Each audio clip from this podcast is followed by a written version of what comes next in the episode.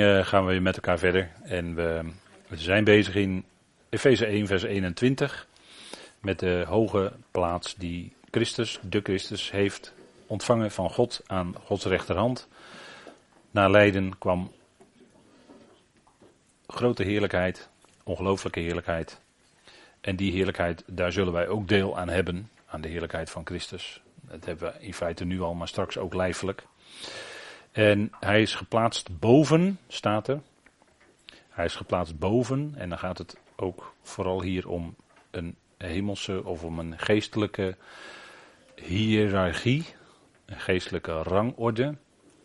En die worden genoemd soevereiniteit, hebben we als vertaalwoord meegegeven, gevolmachtigde en kracht onder andere. Nou, dat woord soevereiniteit, dat heb ik wat uitgewerkt op deze slide, zoals u ziet. En dat is in het Grieks het woord arche. Dat betekent eigenlijk begin. En dat heeft te maken met tijd. Dat kan zowel het begin in de tijd zijn. Als het begin van een rangorde. Dus de bovenste van een rangorde. Een vorst kan het opduiden. Of een soeverein. En een soeverein bedoel ik niet dit. Maar dan bedoel ik soeverein dat je dus als vorst zijnde. Zonder dat je door anderen gehinderd wordt, allerlei decreten kan uitvaardigen. En dat is een soeverein vorst, hè? was uh, koning Willem I geloof ik hier in Nederland. Als ik, me, ik ben niet zo uh, helder in geschiedenis. Maar die was, als ik het goed heb, soeverein vorst. En dat stemt overeen met het Hebreeuwse woord rosh. Dat, ook, dat betekent dit ook. Betekent ook begin of bovenste of bovenste van een rang of de top van een zuil of uh, wat dan ook. Hè, dat, uh, en betekent ook begin, bijvoorbeeld begin in de tijd. In begin schiep God de hemelen en de aarde. Hè. Daar opent uh, Bereshit mee, Genesis mee. En dat begint dan met Bereshit. En in dat Rashid zit het woord Rosh. Dat betekent hoofd of eerste of begin of uh, hoe dan ook. Hè. In begin, Berashit. Eerste woorden van de Hebreeuwse schrift. En een schiep God en dan staat er Elohim, dat is de meervoudsvorm. En um, een meervoud, dan moet je nadenken, waarom is het een meervoud? In de schrift moet je nadenken over een meervoud. Meervoud staat natuurlijk niet zomaar. Er staan enkelvouden en meervouden, dat is, dat is taalkundig natuurlijk, zegt u. Maar daar moet je wel degelijk over nadenken natuurlijk. Hè? Want in de schrift wordt niet alleen over Elohim gesproken, heel vaak. Maar dan is het eigenlijk, als je letterlijk wil vertalen, goden of onderschikkers. Beter gezegd, onderschikkers, meervoud. Maar je hebt ook eel, beter gezegd al, want het is alef lamet. Al, en dat is de Allerhoogste God. Dat is bijvoorbeeld Al-Shaddai, weet u wel. En je hebt ook Eloah. En dat is de, dan wordt aangeduid degene die naar God toe werkt. Want die uitgang A is betekent waarts. Dus die werkt God waarts. Die werkt op God gericht, Eloah. Dat is een uh, betiteling en dat duidt eigenlijk onze Heer aan in zijn heerlijkheid gestalte voordat hij mens werd. En die titel Eloah, die wordt vaak in het boek Job bijvoorbeeld gebruikt. En dan gaat het om het werk van Christus, wat hij doet in Gods plan van Eonen. Hij werkt God waarts. Hij werkt op God gericht. Hij brengt de schepping naar God toe. Eloah. En je hebt ook Elohim, en dat betekent onderschikkers. En in die titel, als het gaat om goddelijk werken, dan is het zo dat, waarom is dat dan een meervoud? Dat is dan zo omdat de geest zowel van Eel als Eloah werkt. Die werken, laten we maar zeggen, beide. En dat komt tot uitdrukking in de betiteling Elohim. En Elohim, nogmaals, eigenlijk onderschikkers, maar dat wordt ook van mensen gebruikt. Mensen gebruikt. Elohim. Goden. De leiders van Israël waren goden. De heer Jezus zei in Johannes 10 tegen zijn volksgenoten, staat er niet in jullie Torah geschreven, jullie zijn goden. Er wordt gesproken dan over Israël. Goden, onderschikkers. Daarom is het woord God is altijd een beetje moeilijk, maar ja, het is zo ingeburgerd, daar kan je niet meer vanaf. Maar betekent eigenlijk onderschikken, of betekent plaatsen in het Grieks. En in, in het Hebreeuws heb je dus die diversiteit, met die drie titels die ik net noemde. En dat is het werk van God binnen zijn plan van eonen. Dat is zijn titel als, als werkzame God binnen zijn plan. Dat is het werk van onderschikken. want in, de, in die titel al zit niet alleen kracht, veel, dat het eh, dat een enorme kracht vertegenwoordigt. God is enorm krachtig, maar het duidt ook aan de richting. Want die lamet, dat is iets wat. Lamet is de letter die richting aangeeft. En die richting is voor de schepselen onderschikking. En, en dat, dat is wat we ons zouden realiseren. Hè. Dat is uh, even een aanleiding van het woord rosh, hè. Bereshit, bara. En dan staat er Elohim. Hè. In begin schiep God, Elohim, de hemelen en de aarde. En hemelen is in het Hebreeuws ook altijd meervoud. is altijd shamayim. Het is nooit in het enkelvoud. Dus als er dan gesproken wordt, bijvoorbeeld, ik noem maar wat, over de hemelen van de hemelen, zoals Salomo in zijn gebed bad, hè, zelfs de hemelen van de hemelen kunnen u niet bevatten, dan moet je nadenken over wat het dan betekent. Dat is een bepaalde plaatsaanduiding, hè, want shamayim heeft ook iets te maken met plaats. Dus dat zijn allemaal aspecten, maar in het begin, hè, daar kwam ik vandaan, Rosh. Be Rosh of Be Rashid. Rosh zit daarin. Begin. In begin, en daar spreekt Johannes 1, vers 1 ook over. In begin was het woord. In begin was het woord. Alles is door het woord geworden, zegt Johannes 1. Kijk, Johannes 1, vers 1 tot en met 3 gaat natuurlijk niet over de drie-eenheid. Maar het gaat over de functie van het woord in Gods plan. En God kwam in de gestalte van het woord, om het zo maar te zeggen, naar zijn volk. Hij sprak. En daarom zei hij ook steeds: Hoor Israël, hoor. De Heere jullie God, jawel, jullie Elohim, staat er dan ook weer, is één. Echad. Ze zouden horen, want God is een God die per definitie spreekt. En het is in deze tijd eigenlijk merkwaardig dat God zwijgt. Want God verbergt zijn aangezicht in deze tijd. Maar hij heeft gesproken. We hebben de schriften. Hallo, we hebben de schriften. Hij spreekt tot ons als gelovigen, tot ons hart. God is een God die per definitie spreekt en we zouden dat horen. Want door horen komt geloof. En wat, wat is het werk van. We hebben hier over geestelijke macht en krachten. We hebben dus ook over geestelijke strijd. Maar wat is wat demonen doen? Andere dingen leren. En door die andere dingen jou op verkeerde spoor brengen, zodat je oortjes dichtgaan. Want ze willen de luiken bij jou sluiten voor Gods woord. Het kernbegrip van het woord demon in het Grieks is leer, lering, leringen. Dus wat willen demonen? Die willen jou iets anders leren. Daar, daar, daar, merk je in, in hoe de apostelen schreven in die begintijd. Dat, dat, daar, had je zeg maar. Uh, ja, nou ja, ik kan allemaal terminologie, maar dat is allemaal zo vervelend. Maar eh, kijk, wat, wat de filosoof zei, misschien kan ik het zo samenvatten. Wat, wat de filosoof zei, is ken jezelf. Nee. Nee, daar gaat het niet om. Daar gaat het niet om. Wij moeten niet in onszelf kijken. We moeten onszelf niet kennen. Nee, we moeten weten wie de Heer is. We moeten weten wie God is. Hem kennen. En van daaruit leer je ook, ja, leer je ook jouw plaats wel kennen. Leer je ook wel kennen wie jij zelf bent in het licht van Gods woord. Wat Gods woord over jou zegt. Via die weg wel, ja. Maar niet wat de filosoof zegt, ken jezelf. Want dan ga je in jezelf zitten vroeten. En dan kom je van alles tegen wat je, ja, wat je misschien maar liever niet tegenkwam. En dat moet je dus ook niet doen. Nee, daarom, daarom hè, heel wijs, hè, wat, wat de Joden moesten leren, wat wij ook leren. Horen. Hoor Israël, hoor. Die stem van God, die stem van jouw schepper die jou lief heeft en die zegt hoe het zit. Ja, dus, dan is het allemaal niet zo moeilijk meer hoor. Dan hoef je niet moeilijk te doen over waar komen wij vandaan. Ja, ik heb net geciteerd, hè.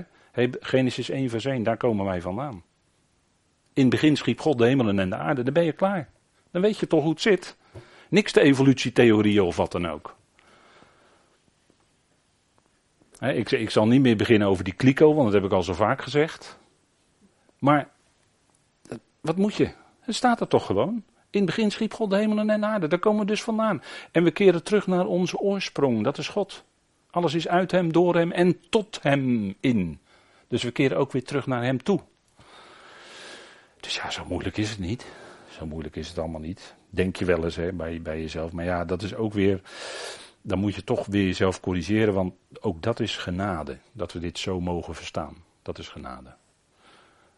Het is niet dat wij het beter willen weten, maar het is zo fantastisch als je de antwoorden hebt. Waar mensen misschien hun hele leven mee worstelen. En we hebben de antwoorden. We kunnen antwoorden geven uit Gods woord. Wat staat er nou? Wat zegt God nou over wie jij bent? En, en dat is een oplossing voor een heleboel problemen die zich vandaag aan de dag aandienen of die in de samenleving worden gegooid. Met allemaal leringen die daarachter zitten. Ik heb het over leringen van demonen, ja, inderdaad, dat is heel erg aan de orde. En dat is allemaal afwijking van. Dat is allemaal de pogingen om. En kijk, het begin van alles, Johannes 1 vers 1, in het begin was het woord. Dus wat hebben we nodig vanaf het begin? Nou, dat woord. Want het eerste wat de slang deed was dat woord van God ter discussie stellen natuurlijk, hè? Genesis 3. Zelfs de auto's de weg van, uh, nou die was er toen nog niet. De weg naar Rome of zo wou ik zeggen, maar die was er toen nog niet. Babylon, nou was ook nog net niet, maar uh, dat kwam toen wel vrij snel. En daar komt ook een heleboel ellende vandaan op dat gebied, op geestelijk gebied. Babylon, ja. Dat is de tijdgeest. Dat is Babylon. En er komen hele prachtige, althans op het eerste oog lijkt het prachtige leringen vandaan. Maar als je daar iets meer van uh, kennis neemt, dan is het heel snel. Ze, ze laat die afwijken van Gods woord. Gaat heel snel hoor.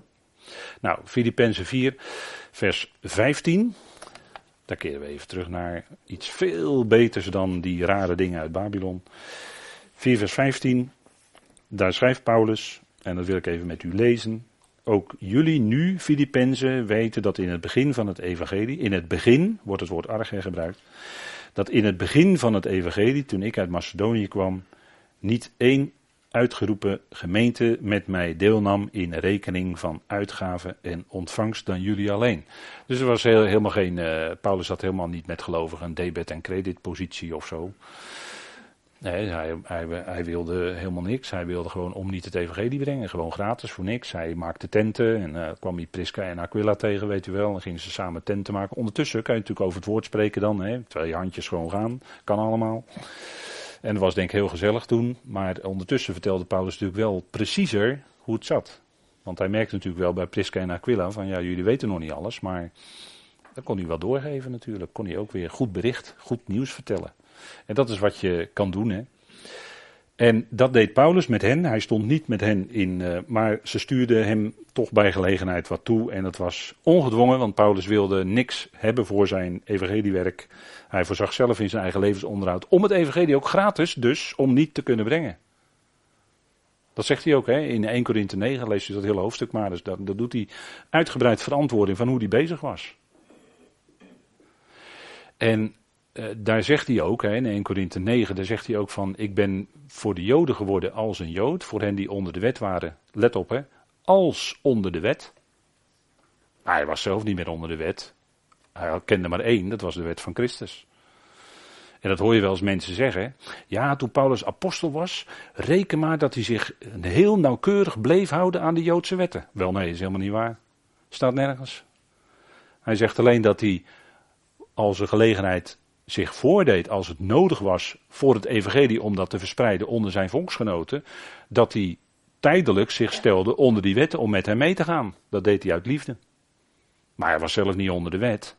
Daar spreken zijn brieven toch duidelijk van. Dat, dat kun je zo heel makkelijk weer leggen. Dus hij was helemaal niet onder de wet. Hij hield zich helemaal niet aan, aan, aan alle gebruiken van, van uh, het Joodse leven. Helemaal niet. Integendeel zelfs. Maar als het nodig was. Kijk, we hebben al gelezen Christus, Colossense 1, vers 18. Even terugkeren naar het woord arge, hè, het woord begin of rangorde.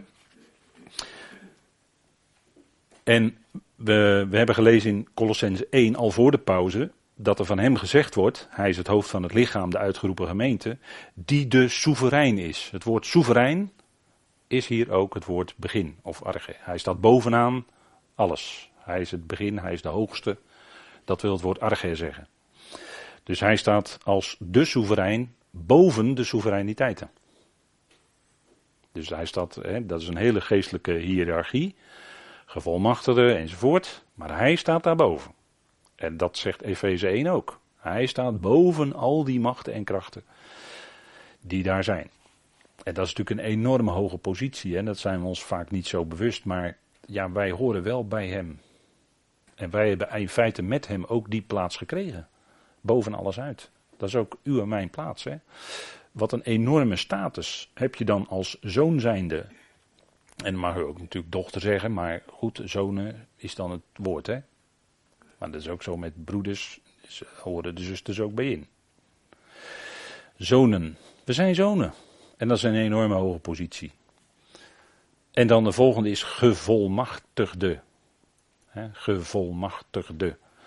Of eigenlijk het woord volmacht. Dat is, uh, u ziet het Griekse woord erbij staan, he, exousia. Dat wil zeggen, dat is iemand die een toebedeeld recht heeft. Of uh, als het gaat om een politiek iemand, zoals hier op het plaatje Pilatus. He, die had een bepaalde jurisdictie. Of een bepaalde licentie, zou je ook nog kunnen zeggen. Hè? Als je een bepaalde licentie hebt, dan kun je onder die licentie kun je wat, uh, kun je wat doen. Hè? Bijvoorbeeld uh, softwareproducenten van computers, die hebben daar scheppen, scheppen, scheppen met geld mee binnengehaald, met die licenties. Want je moest dan, om het programma te kunnen gebruiken, had je een licentie nodig en daar moest je voor betalen. En dan werd je ook gebonden aan een abonnement wat je ook moest betalen. Dus die harkte daar gigantisch veel geld mee binnen. Dat is een licentie. Dus je kan dan onder die licentie, mag je dan dat softwareprogramma gebruiken. Dus heb je een volmacht om dat programma te gebruiken op jouw computer. En dan kun je dat doen. Dat is even een illustratie van het woord volmacht. Maar ook jurisdictie, Pilatus, die kreeg op een gegeven moment de Heer Jezus tegenover zich. En die zei toen tegen de Heer dat hij volmacht had. Hè? Laten we het even maar met elkaar opzoeken. Johannes 19. En de Heer die uh, zweeg, dat was hier een uh, koninklijk zwijgen, zeg maar. En dan zegt Pilatus in Johannes 19, vers 10. Pilatus dan zei tegen hem: Spreekt u niet tot mij? Weet u niet dat ik macht of volmacht heb u te kruisigen en volmacht heb u los te laten? Dat, dat, die jurisdictie of die volmacht was inderdaad aan Pilatus gegeven. Hij kon dat doen. En dat was onder de keizer in Rome uiteindelijk. Hè. Dat was natuurlijk zijn hoogste baas, zeg maar. En dan zegt de Heer Jezus, Jezus antwoordde, u zou geen enkele volmacht tegen mij hebben als het u niet van boven gegeven was. Daarom heeft hij die mij aan u overgeleverd heeft een grotere zonde. En degene die boven Pilatus stond, dat was natuurlijk de keizer in Rome. Die had hem die volmacht gegeven, zodat hij kon kruisigen. De Heer kon kruisigen. Dus hij was zich, en de Heer confronteerde met die waarheid. Hij had slechts die volmacht omdat het hem van bovenaf gegeven was. En dat is nou precies wat het woord exousia ook betekent. Hè? Het wordt iets van bovenaf aan je gegeven. En, om, en dan heb je dus een bepaalde vrijheid om te handelen onder die volmacht. Alleen je hebt wel verantwoording af te leggen aan degene die jou die volmacht gegeven heeft. Die staat dan boven jou. Dat is een gevolmachtigde. En dat heb je dus in het geestelijke bereik, want hier is de mens, Pilatus. Maar in het geestelijke bereik heb je dat ook. Je hebt ook geestelijke machten die zo'n volmacht hebben. Hè? Dus die hebben een uh, bepaald gebied. Dan denk ik bijvoorbeeld in Daniel 10 aan de vorst van Perzië. Weet u wel, de vorst van Perzië. Die werd tegengehouden. Lees je bijna Daniel 10, hè?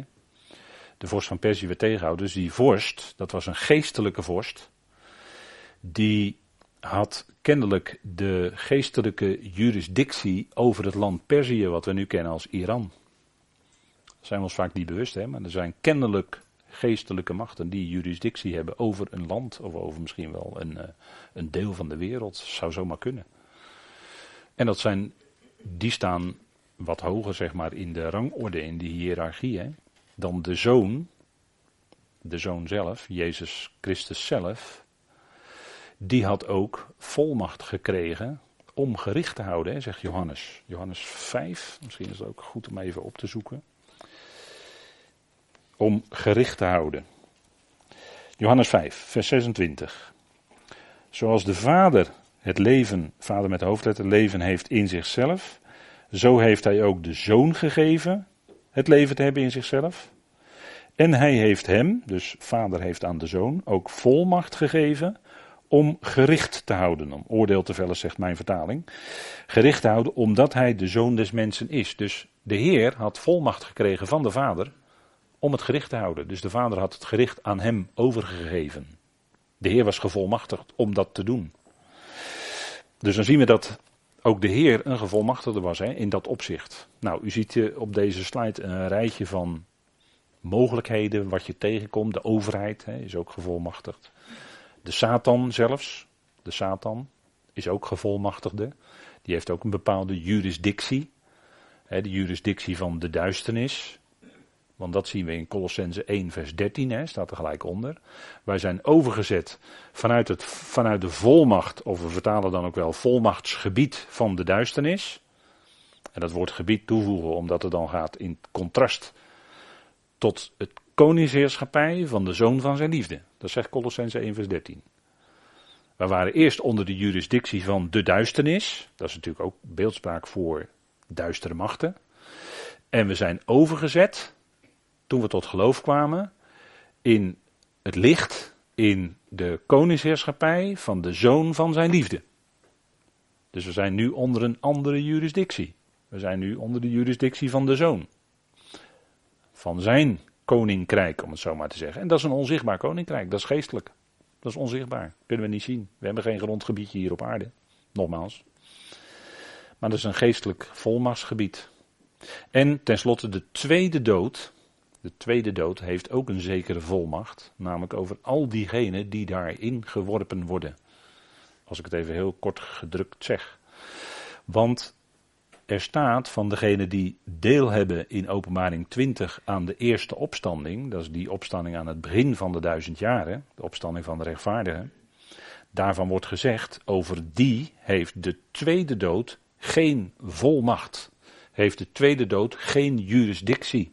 Dus die mensen komen niet in de tweede dood, betekent dat. Dus u ziet dat dat woord volmacht, dat heeft best wel een brede toepassing in de schrift. Maar de, de, de, de, de grootste gemene deler, om het zo, zo maar te zeggen, is dat het, een, het is een bepaalde jurisdictie, het is een bepaald gebied, geestelijk, letterlijk. Uh, kan door mensen aan onmens daaronder gegeven worden, kan aan God, zelfs aan Satan gegeven worden, kan door God aan zijn eigen zoon gegeven worden. Allemaal toepassingen. Dat is uh, volmacht. Daarom is, denk ik, het woord volmacht best wel, ja, is best wel een mooi vertaalwoord ook. Ja. Goed, gaan we naar het volgende. Dat is kracht. Hè? Dat is waar, wat centraal staat in dit stukje eigenlijk, godskracht. Hè? Kracht, dynamisch. Dat is het vermogen om iets te kunnen doen. Dat is eigenlijk de grondbetekenis van het woord. Het vermogen. En dat is natuurlijk altijd vermogen heb je om iets te kunnen doen of iets te kunnen zijn. Dat is. Uh, en dat kan inherent zijn. God is inherent de, degene die alle kracht heeft. Maar het kan ook getoond worden in een bovenmenselijke handeling. Toen de Heer sprak in het Evangelie van het Koninkrijk, ging dat gepaard met bijzondere krachten tekenen en wonderen. Dus er werden bepaalde krachten gedaan, dus er werden bepaalde bijzondere dingen, genezingen gebeurden, noem maar op hè. Toen wel, nu niet. Straks weer wel, als het evangelie van het koninkrijk weer gaat lopen. Of het is de goddelijke essentie. Hè? God is degene die alle kracht heeft. Om dat tot stand te brengen, en dat doet hij ook. Om zijn hele plan ten uitvoer te leggen. Gods kracht is ook het evangelie. Het evangelie is Gods kracht tot redding. Wij, wij kunnen niet andere mensen redden, dat kunnen, kunnen we helemaal niet. Dat gebeurt door het evangelie, want het evangelie, het goede nieuws, is Gods kracht tot redding. Dat is het. Dus waar we kunnen, zouden we daarvan spreken. Want het evangelie moet gehoord worden. En dan is het Gods kracht tot redding. En wij, wij kunnen niet je, zou het wel willen ingieten natuurlijk. U kent al die uitdrukkingen. We zouden wel met. Dat gaat allemaal niet. Gaat allemaal niet. Nee. God werkt via het evangelie. Gods kracht. Moet, je, moet ook horen weer, hè? Horen. Evangelie. Moet je blijven beluisteren, want het blijft geweldig. Het evangelie blijft altijd geweldig. Het evangelie verveelt nooit. Vorige keer zei ik iets over praatprogramma's, maar die vervelen mij enorm. Dus ik, kijk, al, ik kijk al lang niet meer. Kijk al niet meer. Zo vervelend allemaal wat je dan hoort. Nee, ik hoor liever hele andere dingen. En ja, dat is gewoon veel fijner. Waarheid. Het gaat om waarheid tenslotte. Hè? Evangelie. Dat moeten we horen. Het woord van het kruis is ook de kracht van God. Hè? Het, uh, het lijkt zwak.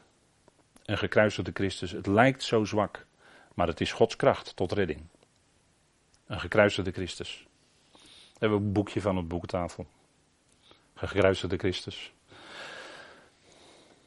Kun u ook doorgeven? Ja, nou ja, laat maar. Weet u wel. Christus. Christus is Gods kracht en Gods wijsheid. Hé, hey, dat zei Paulus in die tijd waarin er heel veel hele interessante filosofen waren in Griekenland. Al 500 jaar waren ze aan het praten, die filosofen. En daar luisterden ook veel mensen naar. Maar eigenlijk draaiden ze in een kringetje rond. Hè. Ze kwamen nooit verder. Want ze kwamen niet bij de Eel of de Eloa van de Bijbel uit. Of de Yahweh, die door Israël uitgedragen werd door hun schriften. Daar luisterden ze niet naar. Nee, allemaal heel interessant gefilosofeer, heel interessant. Ja. En dan komt de volgende filosofie dus ook weer heel interessant. Maar je komt nooit een stap verder. Je komt nooit een stap verder hoor. Is allemaal heel, heel interessant hoor. Plato met zijn ideeënleer en Aristoteles en uh, Pythagoras. Nou hebben we wel wat geleerd. Die driehoek weet je wel. A, A kwadraat plus B kwadraat is C kwadraat. Hoe was het ook alweer? Dat, dat is de stelling van Pythagoras toch? Maar dat was ook een filosoof hoor, Pythagoras. En wij noemden hem dan wel natuurlijk, in de klas noemden wij hem Piet Apengras. Weet u wel, dat is een zo'n flauwe leerlingengrapje. Maar eh, ach, dat was wel leuk allemaal. Was wel leuk.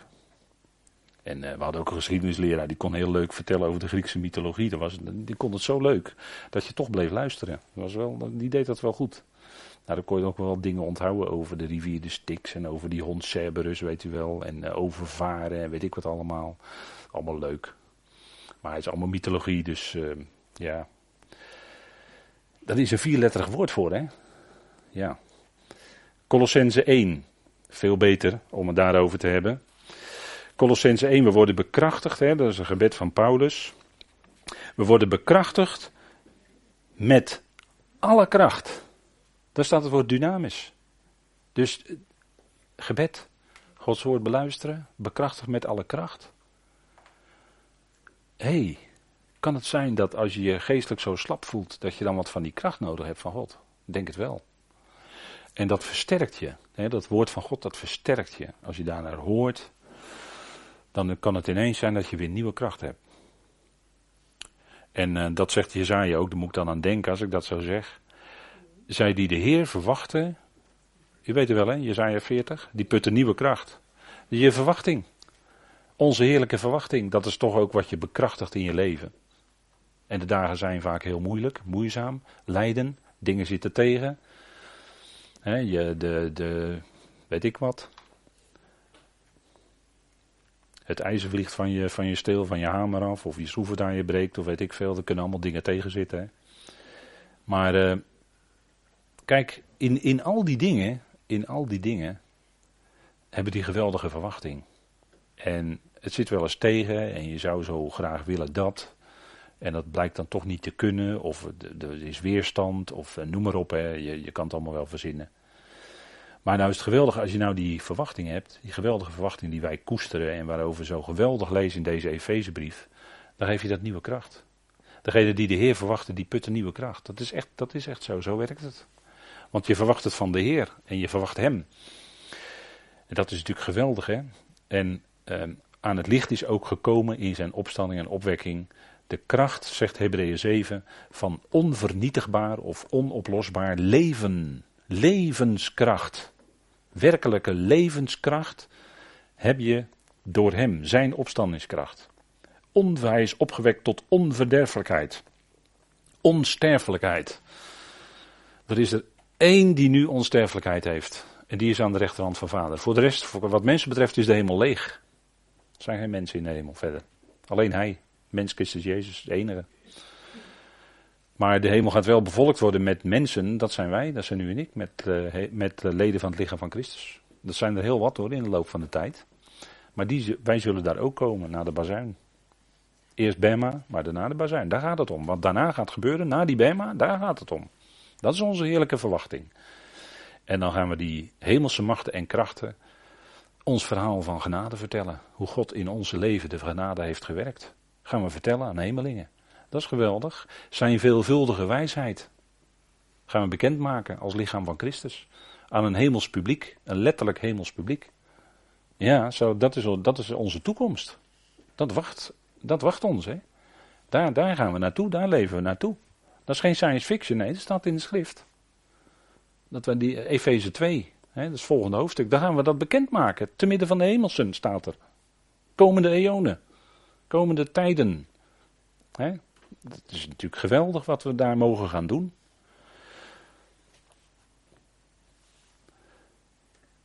En hij is gesteld boven iedere naam die genoemd wordt. Niet alleen in deze eon, maar ook in.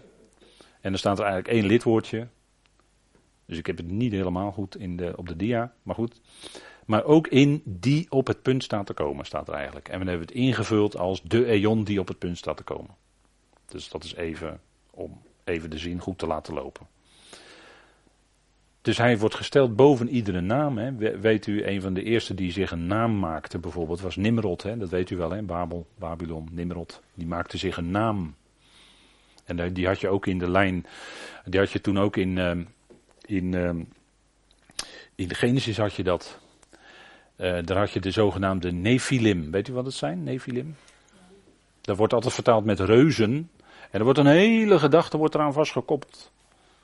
Maar daar heeft Genesis 6 het niet over hoor. Moet contextueel blijven hè, dan in de schrift. Hè, contextueel. Kijk, die zonen gods die daar genoemd worden in Genesis 6, dat zijn de zonen van de onderschikker. Dat zijn de zonen van Elohim. Die staan in de lijn van onderschikking vanaf Adam. Via Seth enzovoort, die lijn. En er loopt een andere lijn, dat is de lijn van Kain. Kain die een eigen godsdienst wilde oprichten. En dat was ook Nimrod, want die zat ook in de lijn van Kain. Dat is de lijn van de zelf religieus bezig willen zijn, zeg maar, als ik het heel kort zeg. En die zonen gods waren zonen van de onderschikker. Dat was dus de lijn van Adam, want Adam was bedoeld als onderschikker. En die lijn, en die vermengde zich dus met die andere lijn, de dochters van de mensen, staat er dan. Die vermengde zich met de dochters van de mensen. En dat was die lijn van Kain. Dus die twee lijnen, de lijn van Seth en de lijn van Kain, die vermengden zich. En daar kwamen de, niet reuzen, want dat is een vertaling die beïnvloed is geworden door de Septuaginta. En de Septuaginta-vertalers waren mede beïnvloed door de Griekse mythologie enzovoort, door alle verhalen. Door alle Babylonische, weet ik wat, verhalen. Babylonische zondvloedverhalen, weet ik wat er allemaal aan, aan, aan fantasievertellingen zijn. Volksoverleveringen. En die, dat, dat speelde dus, kijk, dat reuzen is zo'n tendentieuze vertaling, want dat woord reuzen komt uit de Septuagint. In die Griekse vertaling staat het woord gigantes. En dat hebben ze dan, ja, de giganten zeggen wij dan. Dat zijn reuzen dus. Nee, Nephilim, als je teruggaat naar het Hebreeuwse woord, dan heeft het te maken met degene die zich onderscheiden ten opzichte van anderen. Dat waren de zogenaamde mensen of mannen van naam. Dat was bijvoorbeeld Zet, dat was bijvoorbeeld Henoch, die wandelde met God. Dat waren mannen van naam, dat waren de Nephilim van die dagen. Die zaten in de lijn van onderschikking. Dat is het punt. En later krijg je ook hè, dat ze zeggen dat, ze in, uh, dat de verspieders kwamen in het beloofde land. Hè. Dan, uh, dan zagen ze de Enakieten, hè, of de Rephaim, en dat beschouwden ze ook als reuzen. En er wordt een, ook een hele gedachte aan vastgekoppeld, maar het is uh, allemaal erbij verzonnen. Als je die schrift, die uitdrukking van de schrift zelf volgt, hè, het woord Nephilim is niets anders dan degene die zich onderscheiden van de rest. Maar die heb je vandaag de dag toch ook. Je hebt toch ook bijvoorbeeld iemand als, uh, laten we maar zeggen, Albert Einstein. Hè, met zijn relativiteitstheorie. Nou, dat was een man die heeft naam gemaakt door zijn knappe kop. En doordat hij die hele relativiteitstheorie naar voren heeft gebracht. Die onderscheiden zich van de rest van de wetenschappers. Nou, zo hè.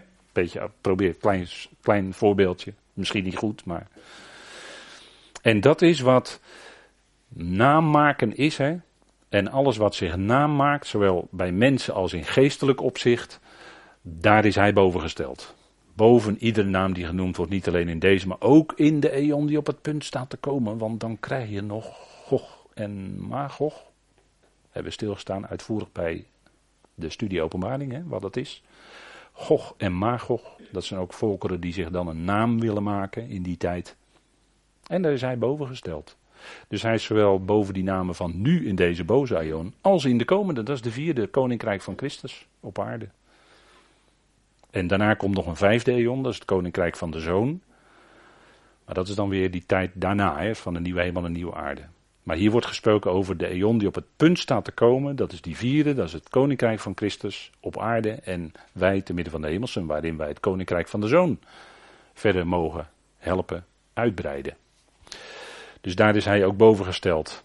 En wat Gods kracht vermag, hè, wat de macht van Gods sterkte vermag, dat hebben we gelezen in Colossens 1. Dus deze laat ik dan even nu voor wat het is. Dat hebben we voor de pauze met elkaar gelezen. Wat de macht van zijn sterkte in, toe in staat is, dat lezen we in Colossens 1. Geweldige woorden. De oorsprong, de schepping ligt bij God in de zoon van zijn liefde. En de voltooiing ligt ook bij God en de zoon van zijn liefde in de verzoening. Nou, dan is het bijna in één zin. En verder ligt, is in 1 Korinthe 15. Hè? In al die stappen die daar genoemd worden, dat is ook een bewijs van de macht van Gods sterkte. Die geweldige kracht, waarmee hij alles onder de zoon kan onderschikken. Nou, moeten we nog maar eens nalopen, hè, deze uitwerking. En uiteindelijk Efeze 1, vers 22. En alles onderschikt hij onder zijn voeten. Daar gaat het naartoe. Daar gaat het naartoe. En hier refereert Paulus in feite aan Psalm 110, hè, vers 1. Maar Paulus verdiept het en breidt het uit, zou ik willen zeggen ook, tot heel de schepping. Wat in Psalm 110 weliswaar wel wordt aangegeven dat alles onder de voeten van de Messias komt. Maar daar verstond de psalmist onder, ja, als die Messias komt, dat koninkrijk op aarde. Meer niet. Maar Paulus verdiept dat en werkt dat verder uit. Psalm 110, dat alles uiteindelijk, alle geestelijke machten en krachten, alle mensen en alle vijanden worden uitgeschakeld. De laatste vijand, de dood, ook onder zijn voeten.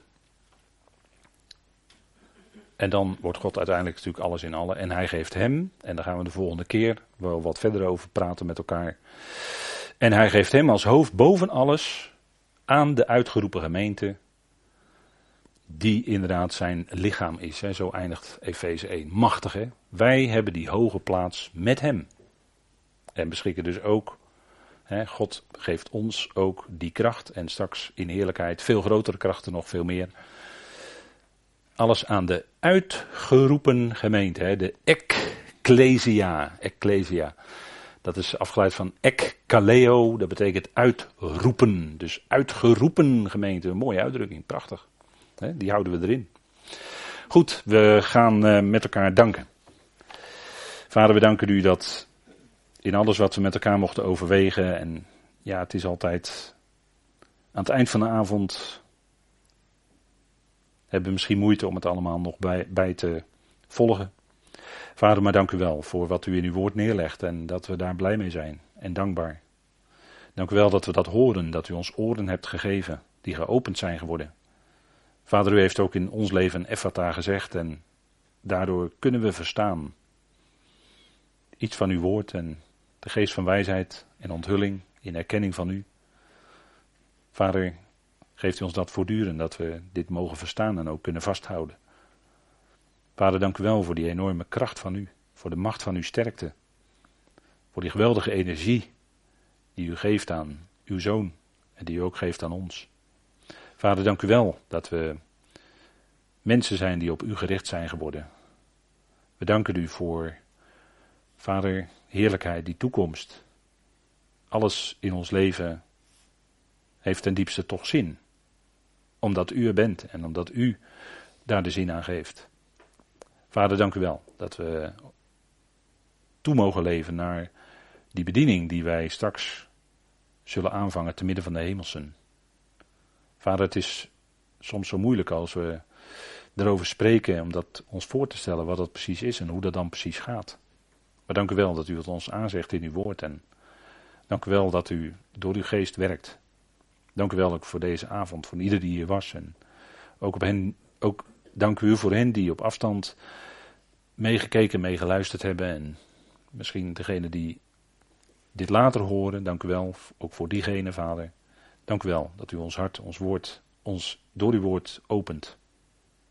Vader, dank u wel dat als we van hier gaan ons besef is dat u meegaat, dat u nabij bent. En dat nooit iets kan overkomen buiten u om, Vader. En dank u wel dat u het bent die ten diepste in ons het willen en het werken bewerkt. Vader, dank u wel voor uw trouw, genade en goedheid. Dank u wel voor wat u zo deze avond wilde geven. We danken u voor uw liefde. We danken u dat we die mogen doorgeven aan anderen. dank u wel dat u van ons houdt. En vader, dat is geweldig. We danken u daarvoor in de naam van uw geliefde zoon. Amen.